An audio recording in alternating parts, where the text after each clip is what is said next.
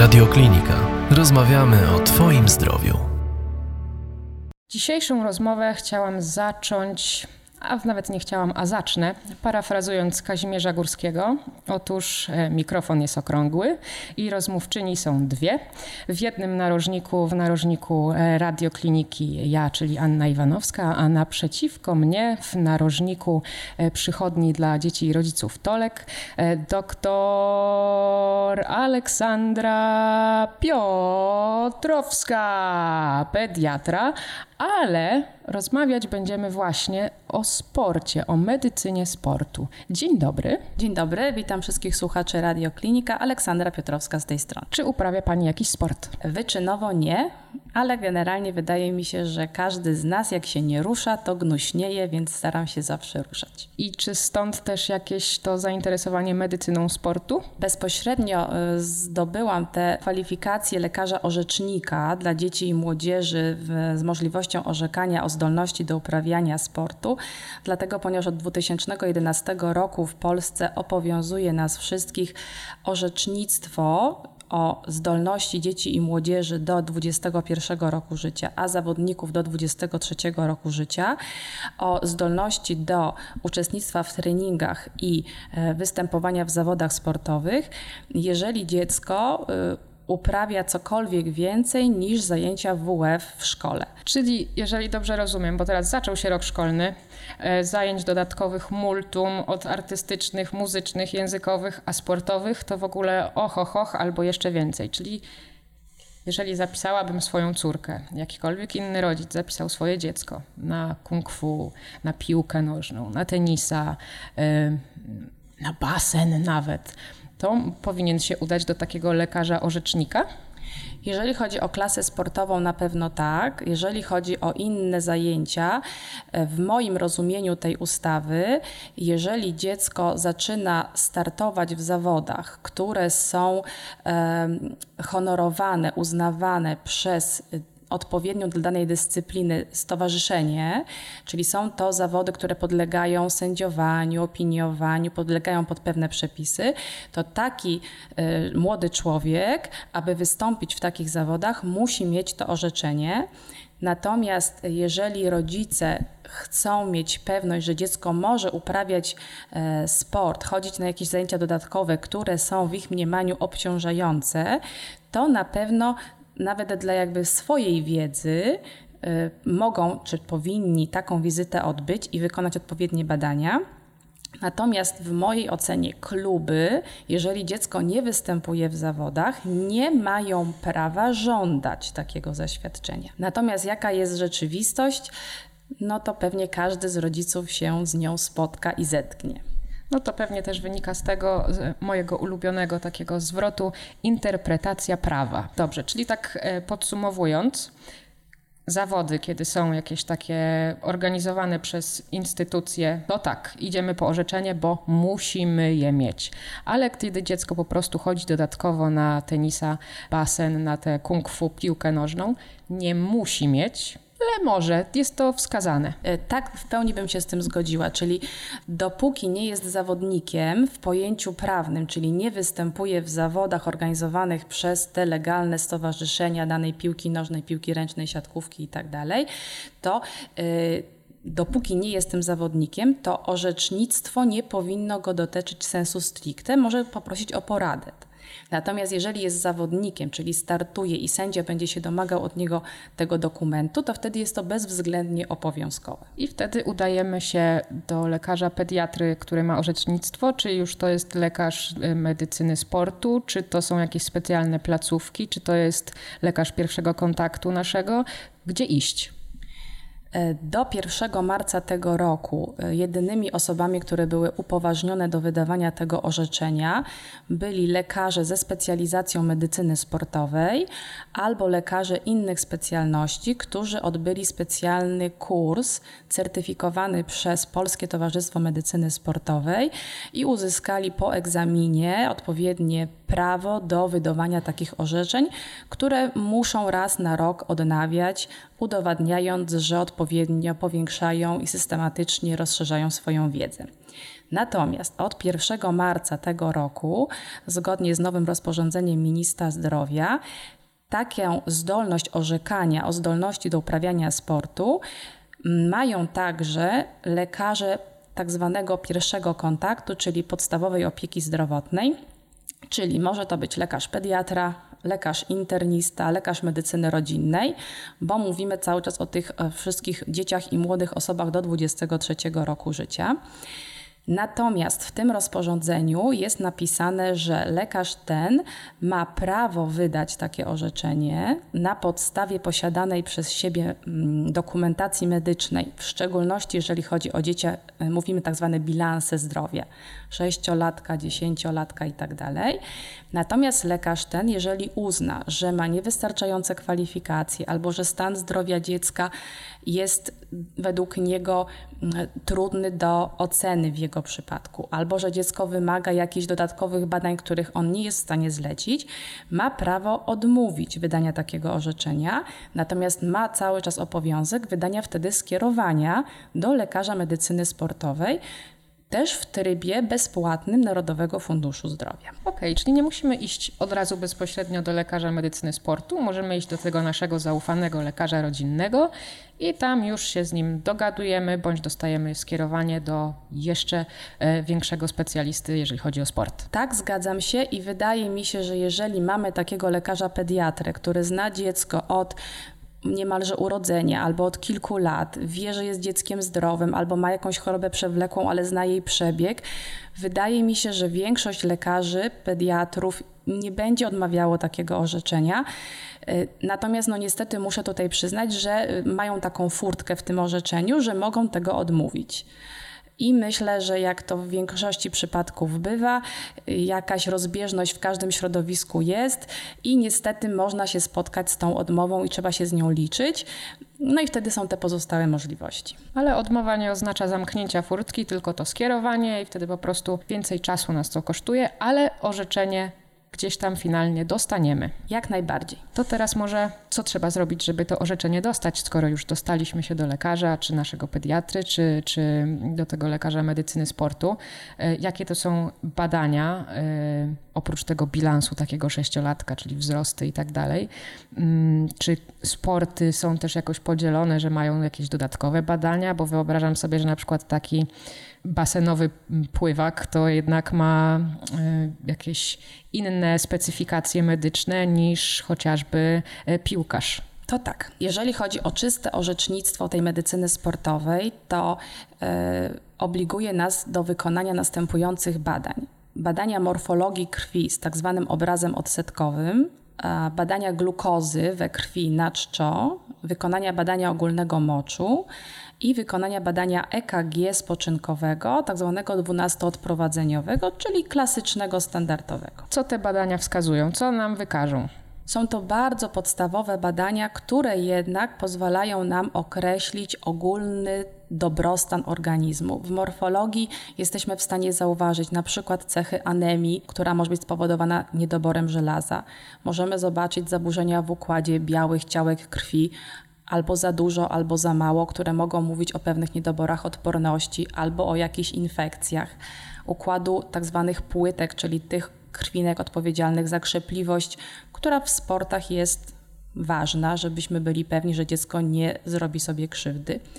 Mocz ogólny wyklucza nam to, czego nie jesteśmy w stanie zbadać w badaniu fizykalnym, czyli prawidłowego funkcjonowania układu moczowego z zakażeniami, e, białkomoczem, e, erytrocyturią. Badanie glukozy na czczo wyklucza nam cukrzycę, która jest w populacji ludzi dorosłych chorobą bardzo częstą. Niestety w populacji dziecięcej staje się też chorobą coraz bardziej częściej spotykaną. Jeżeli chodzi o badanie EKG spoczynkowe, które pokazuje nam pracę elektryczną serca, jest to podstawowe badanie, które pozwala nam wykryć dzieci zagrożone zaburzeniami rytmu i przewodzenia, czyli to są te dzieci, które młodzi dorośli, o których Państwo pewnie słyszeli i czytali, że zdrowi wybiegają na boisko, strzelają gola i potem z tego boiska niestety już są zwożeni. I jest to badanie bardzo proste, natomiast niesie dla nas bardzo dużą ilość informacji, i w mojej ocenie jest to podstawowe badanie, które powinno dziecko mieć przed rozpoczęciem aktywności fizycznej, takiej wzmożonej, i potem co jakiś czas powtarzane w trakcie uprawiania sportu. Czyli właśnie te podstawowe badania warto zrobić, jak nawet zapiszemy dziecko na zajęcia, a nie koniecznie jak już jeździ i zdobywa nam medale. Tak. I tutaj dochodzimy, jeżeli mogę, do tego, że w medycynie sportowej, tak jak w medycynie pracy, która jest pewnym rodzajem orzecznictwa lekarskiego, mamy do czynienia z trzema rodzajami badań: badaniem wstępnym, badaniami okresowymi i badaniami kontrolnymi. Jak łatwo się domyśleć, badanie wstępne jest to to pierwsze, kiedy rozpoczynamy swoją przygodę, czy to w klasie sportowej, czy w jakimś klubie i zamierzamy właśnie kontynuować y, te zajęcia sportowe. Badanie okresowe to jest badanie, które wykonujemy podczas uprawiania sportu e, aktualnie co 12 miesięcy, czyli jeden raz na rok.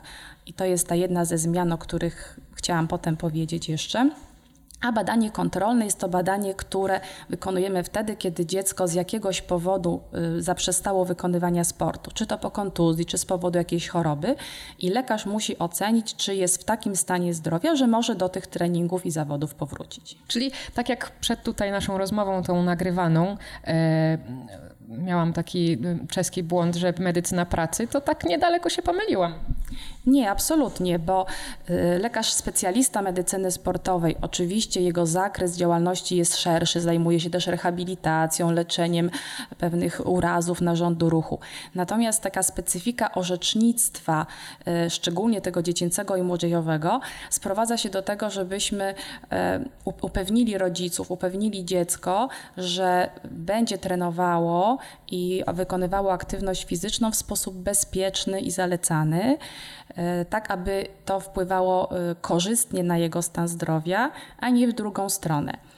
I e, jak pani pytała, czy uprawiam jakiś sport, to chodziło mi o to, że jakby zdobyłam te uprawnienia po to, że jako pediatra, który na pewno ma bliżej do dzieci niż ortopeda, traumatolog, chirurg, wydaje mi się, że pediatrzy są tą grupą zawodową, którzy są najbardziej predysponowani do wykonywania tych właśnie badań orzeczniczych, bo najlepiej się znają na populacji dziecięcej i są w stanie zarówno z tymi dziećmi lepiej rozmawiać, rozmawiać z rodzicami, udzielać im takich adekwatnych, spokojnych i racjonalnych wskazówek co do tego, jak ten wysiłek fizyczny mm, wykonywać bezpiecznie. E, to jeszcze do tych pierwszych badań kontrolnych, takich, tych podstawowych. Co nas wyklucza? E, jakie wyniki nam wyjdą? Bo rozumiem, że cukrzyca, która jest coraz częstsza, to wyklucza nas z uprawiania sportu. E, co jeszcze tak naprawdę może nas wykluczyć? Tu chciałam powiedzieć, że cukrzyca w stanie dobrej kontroli nie wyklucza nas z, z, z, uprawiania sportu. Także e, jeszcze raz, żeby to dobrze wybrzmiało. Bardzo dobrze jest, jak Państwo już teraz wiecie, co należy mieć przygotowane, udać się na tą wizytę od razu z tymi wynikami, bo wtedy za jednym razem Państwo załatwicie wszystko, mówiąc kolokwialnie. Bo niestety lekarz orzecznik, Państwo do niego przyjdziecie tylko z dzieckiem, prawdopodobnie takiego orzeczenia Wam nie wyda, bo samo badanie fizykalne, jakkolwiek jest bezcenne, no niestety mm, z racji tego orzecznictwa, czyli tych przepisów, jakim, jak obowiązuje medycyna sportowa, medycyna pracy, y, musi posiadać pewną dokumentację. Czyli jeszcze raz, na pierwszą wizytę czy na każdą kolejną należy się udać z morfologią, stężeniem glukozy we krwi, moczem ogólnym i EKG spoczynkowym, najlepiej opisanym przez kardiologa, ale jak jest to niemożliwe, to sam zapis jest także wystarczający. I wtedy podczas jednej wizyty jesteśmy w stanie załatwić całą tą dokumentację medyczną. E, co nas wyklucza? Wydaje mi się, że jest bardzo mało stanów, takich, które są bezwzględnym przeciwwskazaniem do uprawiania sportu. My w pediatrii teraz i w medycynie sportowej staramy się każde dziecko zachęcić do aktywności fizycznej, która wiemy procentuje na przyszłość całą plejadą dobrych zachowań, dobrych nawyków, prewencji chorób cywilizacyjnych, nowotworowych, alergicznych itd. Na pewno dyskwalifikują nas sytuacje, w której mamy do czynienia z rozpoznaniem jakiejś nowej choroby przewlekłej typu cukrzyca, typu astma oskrzelowa, typu padaczka, czyli stan, kiedy tak naprawdę rodzina uczy się tej choroby, dziecko uczy się tej choroby, musi wejść w pewną rutynę, poznanie siebie. Natomiast żadna z tych chorób przewlekłych, tych, które wymieniłam i setek innych, które można w pediatrii znaleźć, nie jest bezwzględnym przeciwwskazaniem. Czyli kiedy dopiero dowiadujemy się o tej chorobie, lepiej nie rzucać się od razu na sport, ponieważ najpierw musimy się nauczyć obsługiwać siebie i tę chorobę, ale gdy już to potrafimy, kiedy wiemy, że mamy tę chorobę i w razie jakichś ataków czy pogorszenia naszego stanu zdrowia, wiemy jak reagować, więc sport wtedy jest dla nas przyjacielem. Jak najbardziej. Sport jest przyjacielem dla każdego. Może nie każdy sport. Tutaj na pewno też my jesteśmy po to, żeby pewne rzeczy doradzić, że na przykład dziecko z padaczką, basen, gdzie jest w wodzie i ktoś może nie zauważyć, nie jest tym najlepszą dyscypliną, tudzież najbezpieczniejszą dla dziecka. Natomiast absolutnie to dziecko ma prawo i powinno korzystać z aktywności fizycznej. I o tym między innymi jest też ta rozmowa z rodzicami. Natomiast jeszcze, jeżeli możemy wrócić do tego potem, z czego składa się sama ta wizyta, e, czyli oprócz tych badań, które musimy mieć laboratoryjnych i badania EKG, wizyta u lekarza medycyny sportowej, lekarza tego orzecznika czy lekarza pediatry składa się z badania fizykalnego e, i z wywiadu. I tutaj wywiad z rodzicem jest dla lekarza no, nie do przecenienia. To jest podstawowa informacja dla nas, dlatego na tą wizytę powinni przychodzić rodziciele, rodzice, tudzież opiekuni e, prawni, babcia, wujek, starsze rodzeństwo, oprócz tego, że może być prawnie, że tak powiem, no, nie, niemożliwe do tego, żeby taką wizytę przeprowadzić, to nie mają tych informacji, o które my pytamy. Dlatego, ponieważ dziecko może być całkowicie zdrowe w badaniu fizykalnym, natomiast w wywiadzie dowiadujemy się rzeczy, które obligują nas do tego, żeby potem pewne badania jeszcze dodatkowe przeprowadzić i się upewnić, czy ten sport jest bezpieczny. Więc wywiad i potem badanie fizykalne. Badanie fizykalne z elementami badania ortopedycznego, z elementami badania neurologicznego. Według nowego rozporządzenia obowiązuje nas, nas także ocena stanu zdrowia jamy ustnej, czyli ocena zdrowia zębów, zgryzu i ewentualnie zwrócenie rodzicom uwagi na to, że coś tam jest do mm, poprawienia. Powinno się także ocenić e, wzrok za pomocą tak zwanych e, tablic Snellena. Jest to też badanie bardzo takie ogólne, ale często się okazuje, że dziecko, które nigdy nie było u okulisty, ma pewne problemy i kto do sportu może nie ma dużego wpływu, natomiast y, na przykład problemy z czytaniem, z pisaniem, z bólem głowy w szkole mogą właśnie z tego wynikać. Te tablice to są takie te podstawowe z literami. Dla małych dzieci z kaczuszkami i obrazkami, a dla starszych, które już mówią, że umieją liczyć z cyferkami. E, następną częścią tego e, badania są także pomiary antropometryczne, czyli po prostu mówiąc językiem kolokwialnym, pomiar masy ciała, wzrostu, ciśnienia tętniczego krwi e, i potem użycie tych zmierzonych parametrów do oceny wzrastania i prawidłowej masy ciała dla dziecka, co u dzieci jest o tyle problematyczne, w stosunku do dorosłych, u których wystarczy obliczyć BMI, czyli wskaźnik Państwu prawdopodobnie znany. U dzieci albo obliczamy wskaźnik BMI, ale wtedy musimy go nanieść na siatki centylowe, e, albo nanosimy na siatki centylowe po prostu masę ciała i wzrost, które uzyskaliśmy z pomiarów. Jeżeli rodzic dysponuje książeczką zdrowia i możemy porównać je do poprzednich pomiarów, to mamy też dla rodzica informacje na temat tego, czy to wzrastanie i jest prawidłowe e, i czy masa ciała jest adekwatna do wzrostu, bo w pediatrii masa ciała jest zawsze odnoszona do tego, ile dziecko ma centymetrów wzrostu, a nie do tego, ile ma lat. Rozumiem, że jak w tej siatce centylowej dziecko znajduje się w tych górnych granicach, to lekarz mówi siatkówka i koszykówka. Na przykład. Pomiary wzrostu i rysowanie tych siatek jest też pomocne nam w odpowiedzi na pytanie rodziców, które często pada, jaki mój syn będzie wysoki, czy może być bramkarzem, czy może być siatkarzem. E, oczywiście nie ma prostej odpowiedzi na to pytanie, ale jest e, taki bardzo prosty, ogólny wzór wyliczenia czegoś, co nazywamy MPH, Mid Parental Height, czyli średni wzrost przewidywany końcowy dla dziecka na podstawie wzrostu rodziców. To zadamy zadanie matematyczne dla naszych słuchaczy? No to proszę bardzo, e, długopisiki, karteczki i pani doktor Aleksandra e, daje wam zadanie. Jeżeli liczymy wzrost przewidywany końcowy dla chłopca, używamy średniej arytmetycznej z wzrostu rodziców powiększonej o 13 cm, tak zwanej średniej populacyjnej różnicy między wzrostem mężczyzn i kobiet, czyli w liczniku mamy wzrost mamy w centymetrach, na przykład 170 centymetrów, wzrost taty w centymetrach, na przykład, żeby było mi łatwiej liczyć, 183 centymetry. I dodajemy do tego 13 centymetrów tej populacyjnej różnicy. I to dzielimy przez 2 i o ile dobrze e, podyktowałam, to powinno nam wyjść 183. No, zapewne tyle wyszło. Rodzice sobie policzą według swojego wzrostu, czyli e, wzrost mamy plus wzrost taty plus te 13 szczęśliwa trzynastka. Przy okazji jesteśmy w gabinecie numer 13, więc e, łatwo będzie mi zapamiętać. To dzielimy na 2 i wychodzi nam przewidywany wzrost końcowy w centymetrach i to jest tak zwany średni i powinniśmy wziąć y, zapas plus minus 8 centymetrów. To jest dla chłopca, bo wspominała Pani na początku, że chłopiec, tak? To będzie chłopiec. Tak, a dla dziewczynki będzie tak samo, tylko w liczniku minus 13. Czyli wzorem e, mama plus tata minus 13 podzielić na 2 i mamy dziewczynkę. Tada! Więc mam nadzieję, że poradzili sobie Państwo z obliczeniami. Mniej więcej e, to będzie wzrost Waszego dziecka. Ile mniej i więcej? Plus minus 8 centymetrów. I ten wzór sprawdza się naprawdę bardzo dobrze u rodziców, którzy mniej więcej mają podobny wzrost. Natomiast jeżeli mamy taką sytuację, że no najczęściej mama ma na przykład 157, a tata ma 180, to wtedy ta średnia prawdopodobnie będzie myląca i dziecko w swoim zapisie genetycznym prawdopodobnie albo pójdzie w linię mamy, albo w linię taty.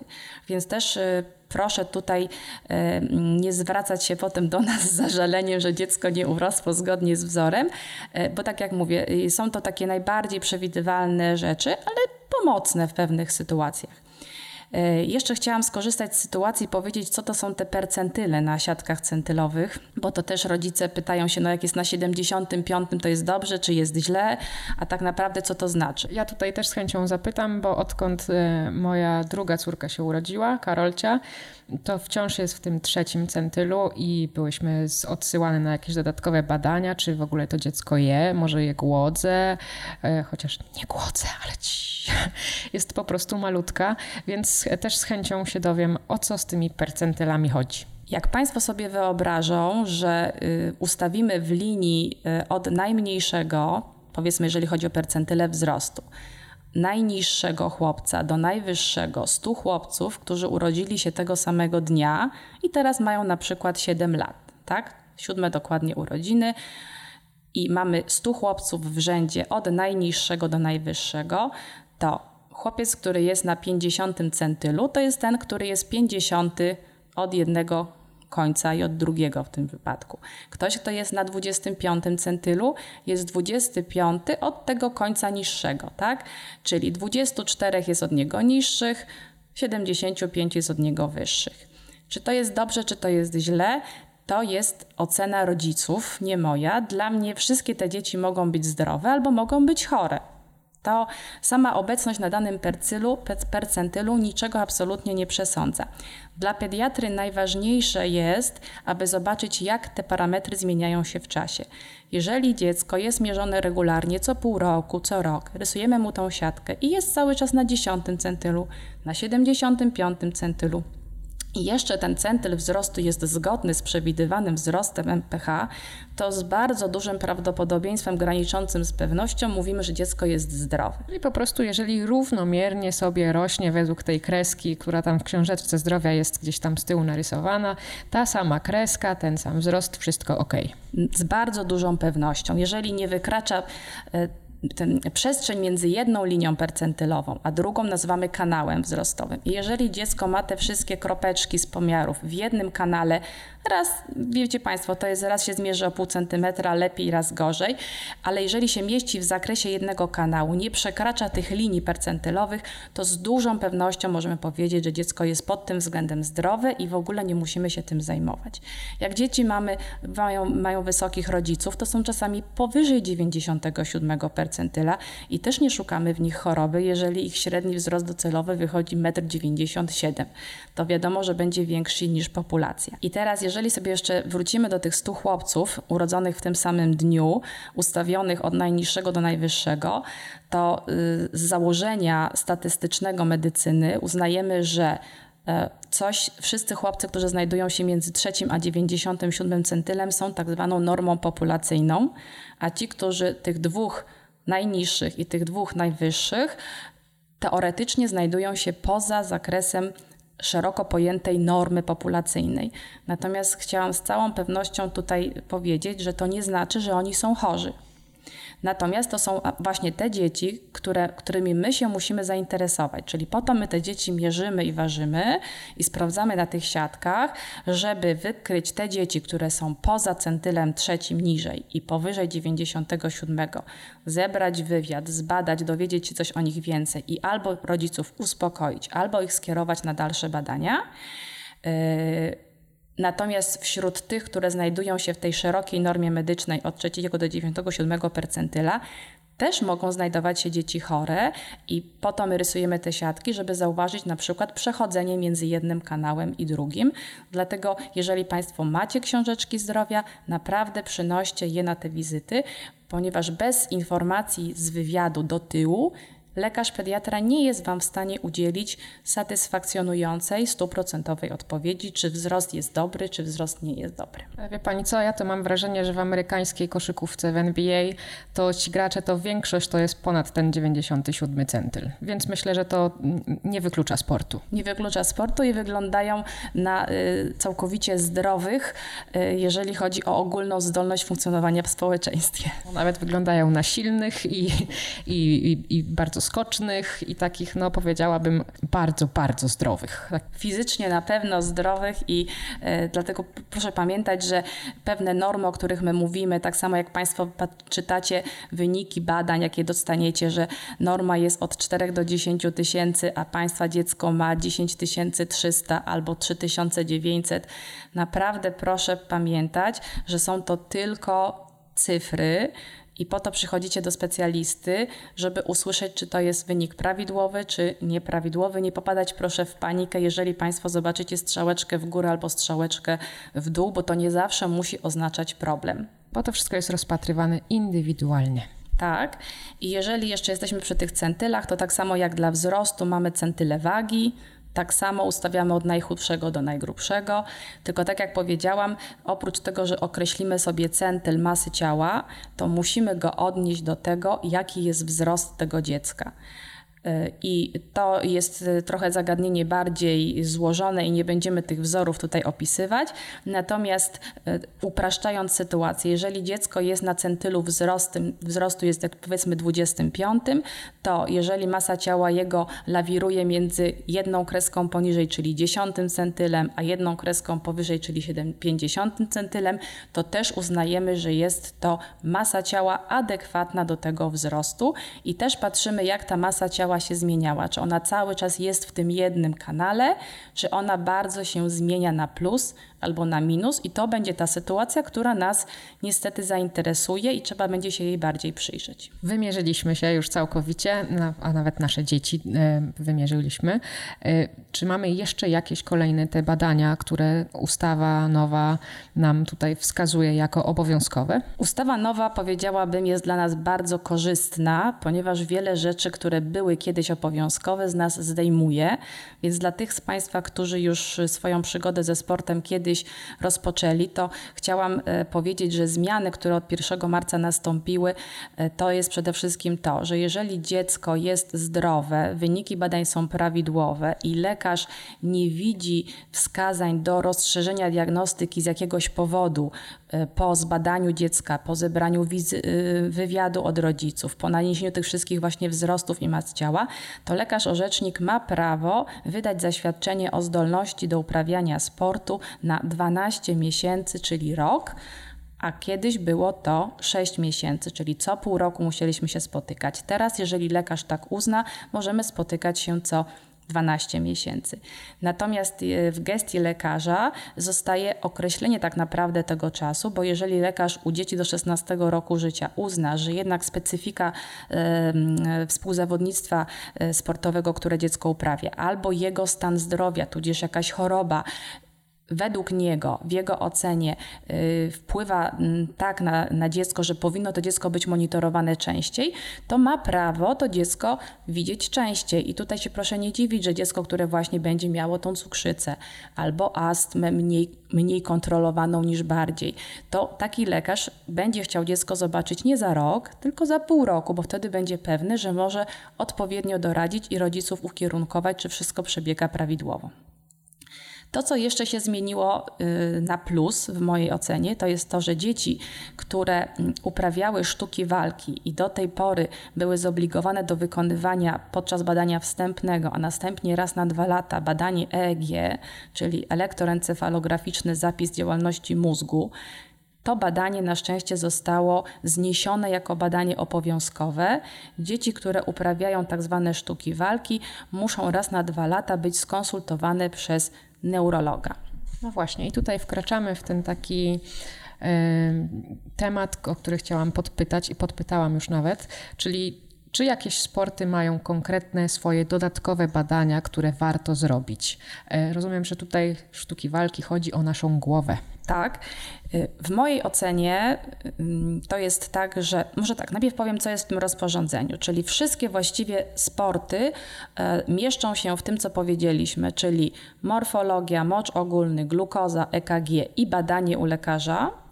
Natomiast wyszczególnione są dwie grupy sportów. Te tak zwane sztuki walki, gdzie też y, tak naprawdę nie jest to nigdzie zdefiniowane, y, ale uznajmy, że takie ogólne common sense co to sztuka walki jest, każdy wie, więc została zniesiona potrzeba tego badania EEG, natomiast została e, zostawiona konsultacja neurologiczna.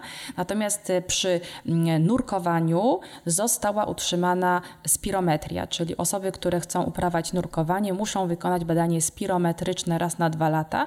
Badanie spirometryczne określa nam w pewien ogólnikowy sposób wydolność płuc.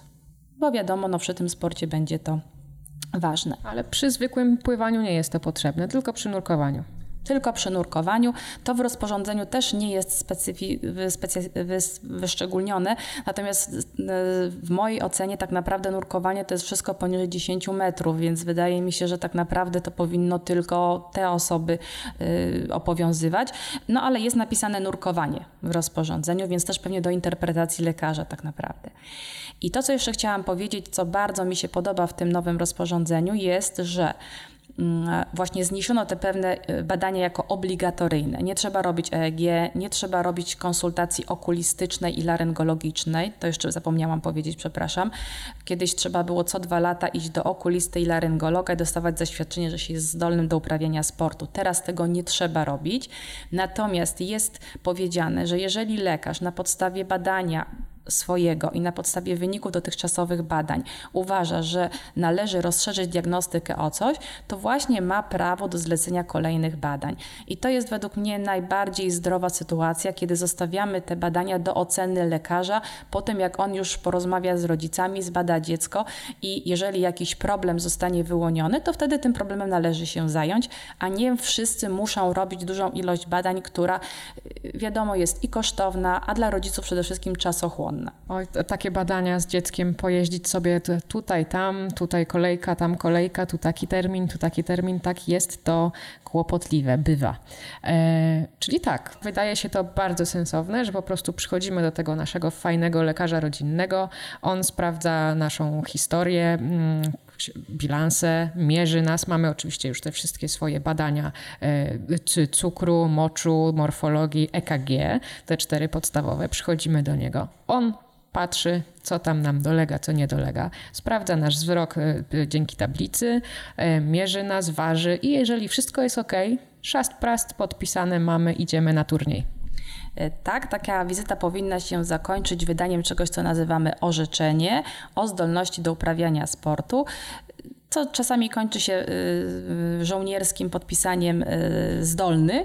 Natomiast można też oczywiście poprosić lekarza o to, aby napisał zdolny do uczestnictwa w treningach i zawodach sportowych w dyscyplinie takiej i takiej. Zaświadczenie ważne jest do no i normalnie będzie to rok od daty wystawienia tego zaświadczenia, chyba że lekarz uzna inaczej, tak jak opowiadałam, że może ten czas skrócić, jeżeli chce pacjenta widzieć częściej. Ja, jeżeli mam pacjentów, którzy proszą o zaświadczenie do szkoły sportowej, wystawiam zaświadczenie o treści brak medycznych przeciwwskazań do uczęszczania do klasy sportowej o profilu takim i takim. No i na razie y, póki co nikt nie przyszedł ze zwrotem i zażaleniem. Lekarz e, pierwszego kontaktu, kiedy wie, że dziecko na przykład uprawia piłkę nożną, to może powiedzieć, nie, już nie, nie wymagając tego do tego zaświadczenia, ale tak dobrą radą dając, że na przykład warto pójść, nie wiem, co pół roku, co raz na rok do ortopedy, żeby sprawdzić, czy tam stawy się dobrze rozwijają. Jakiś nurek, czy właśnie pływak, żeby chodził na jakieś rehabilitacje co jakiś czas. To też nam powie lekarz ten pierwszego kontaktu, czy właśnie lepiej jednak udać się do lekarza y, medycyny sportu i tam u niego zrobić jakiś taki bardziej kompleksowy wywiad, dowiedzieć się już abstrahując od zaświadczenia. Czyli teraz, teraz rozmawiamy nie o zdobyciu orzeczenia, czyli czystych tych papierkowych, że tak powiem, spraw. Ja uważam, że lekarz pediatra, który od wieki wieków wykonywał badania bilansowe, które właśnie mają ocenić postawę dziecka między innymi, jest najlepiej zorientowany do tego, żeby rodziców pokierować dalej. My dzieci rozbieramy do bielizny, e, pewne rzeczy każemy im robić, skłony, próby neurologiczne, próby ortopedyczne. I jeżeli uważamy, że coś jest z dzieckiem nie tak, czyli ma wadę postawy, ma koślawość kolan, ma koślawość stóp, płaskostopie, to kierujemy go, że jeżeli nie był u ortopedy, powinien iść i ortopeda powie, czy trzeba robić zdjęcie rentgenowskie, czy nie. A jeżeli ortopeda wykluczy poważne schorzenia, które nie wymagają operacji, y, poważnej rehabilitacji, to bardzo dobrym pomysłem jest udać się do fizjoterapeuty dziecięcego, bo większość problemów naszych dzieci to są tak zwane problemy czynnościowe noszą za ciężkie tornistry, siedzą nieprawidłowo w szkole na nieprawidłowo dobranych krzesłach przy nieprawidłowo dobranych biurkach, w nieprawidłowej pozycji na jednym półdubku za przeproszeniem, ze skrzywionymi e, plecami i one są po prostu czynnościowo krzywe, czyli nie mają niczego za krótkiego, za długiego, niesprawnego, tylko źle wykorzystują ten swój kręgosłup i, i gorset mięśniowy, które mają. I fizjoterapeuta zwróci nam pewną uwagę na to, co można z dzieckiem robić, jakie ćwiczenia wykonywać. Proste bardzo ćwiczenia, które można wykonywać w ciągu 3-4 minut dziennie i aby dziecko wykonywało tak zwaną autokorektę, czyli żeby dziecko samo wiedziało, jak ma skorygować swoją postawę. Oczywiście, jak będą poważne problemy, to dziecko wymaga jakiejś rehabilitacji, zaopatrzenia ortopedycznego, wkładek, co do których też każdy lekarz ma swoje zdanie.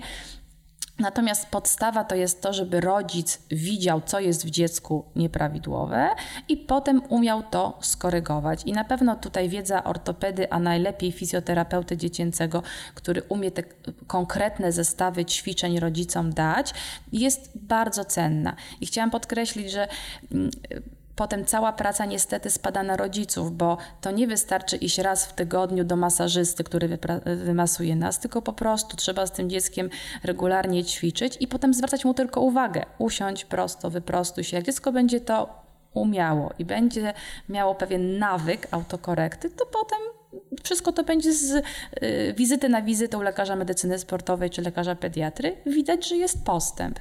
A nakładając to na sport, im lepsza postawa, tym łatwiejszy trening, bo mniej bolą mięśnie. Im łatwiejszy trening, tym lepszy rozwój. Im lepszy rozwój, tym lepsze wyniki. Jak najbardziej. I jeszcze do tego bym dorzuciła coś, co dla mnie jest najważniejsze, mniej kontuzji. Dlatego, ponieważ to, z czym ja się spotykam, najczęściej to za, za, yy, poza tymi czynnościowymi skrzywieniami, asymetriami barków, łopatek, to jest to, że nasze dzieci są bardzo słabo rozciągnięte. Nasze dzieci wbiegają na boiska, grają, zbiegają z boisk. Bardzo rzadko spotykam się z tym, żeby rodzic potwierdził, że dzieci mają rozgrzewkę, że potem się rozciągają, że wiedzą, co to jest rozgrzewka i potem ćwiczenia takie rozluźniające. Mają bardzo dobrze wyćwiczone mięśnie i niewyćwiczone więzadła, ścięgna, cały aparat ten więzadłowy. I z tego potem się biorą wszystkie kontuzje. Dlatego zwracajcie rodzice na to uwagę, e, aby dzieci oprócz tego, że rozwijają swoje mięśnie, pamiętały o całej tej tkance łącznej, która przyczepia mięśnie do kości, bo jest to tak samo ważne jak, y, jak ta druga część, y, czyli ten, te mięśnie, o które każdy z nas dba. I takie nierozciągnięte dziecko, ale za to wybiegane, y, później wraca do domu i na przykład mówi, że bolą ją łydki, to dziecko, tak? Czy czym to się może objawić, że to dziecko jest nierozciągnięte? Najprościej to sprawdzić przez to, żeby pokazać dziecku zrobić normalnie skłon do przodu i powinno większość dzieci dotknąć palcami do podłogi bez zginania kolan. Dziecko powinno być w stanie zrobić swobodny, głęboki przysiad z rękami wyciągniętymi do przodu i wstać na pełnych stopach. Jeżeli tak robi, to prawdopodobnie dużego problemu z tkanką łączną nie ma. Jeżeli tego nie potrafi, to znaczy, że albo ma jakieś uwarunkowania genetyczne, albo jest rzeczywiście nierozciągnięte. I to jest główna przyczyna kontuzji, czyli tych wszystkich naderwań ścięgien, e, pękniętych pochewek, skręconych kostek. Y, oczywiście tutaj pomijam uraz taki, że ktoś kogoś uderzy, no to, to na to nie mamy wpływu. Natomiast to, że się nie rozciągnie i nagle chce podskoczyć metr, no to raz na jakiś czas coś mu się tam, że tak powiem, naderwie albo zerwie. Natomiast te um, bóle mięśni, tak zwane zakwasy czy skurcze, najczęściej są spowodowane y, zaburzeniami jonowymi po treningu, a te z kolei wynikają z tego, że dziecko jest nieprawidłowo nawodnione, e, ale o tym to z przyjemnością możemy porozmawiać następnym razem, jak dzieci nawadniać i odżywiać w całej tej teorii tak zwanego nawadniania i odżywiania około treningowego. O, i myślę, że to jest idealna tutaj kropeczka, a nawet wielokropek pani nam postawiła, e, bo Chciałam już o to pytać, ale faktycznie musimy kończyć. E, dziękuję serdecznie za ten doskonały sparring e, w obydwu narożnikach, prawda, z tutaj z mojej strony Radioklinika. Zachęcam do zapisywania się na newsletter, bo będziemy kontynuować rozmowę o nawadnianiu, o odżywianiu a propos sportu naszych dzieci. No a w drugim narożniku, e, w narożniku przychodni dla dzieci i rodziców Tolek, pani doktor pediatra Aleksandra Piotrowska. Dziękuję Państwu za rozmowę, za obecność. Y, życzę udanych i zdrowych i satysfakcjonujących wysiłków fizycznych. Do usłyszenia. To ja jeszcze dorzucę do tego medale i puchary. A co, niech błyszczą.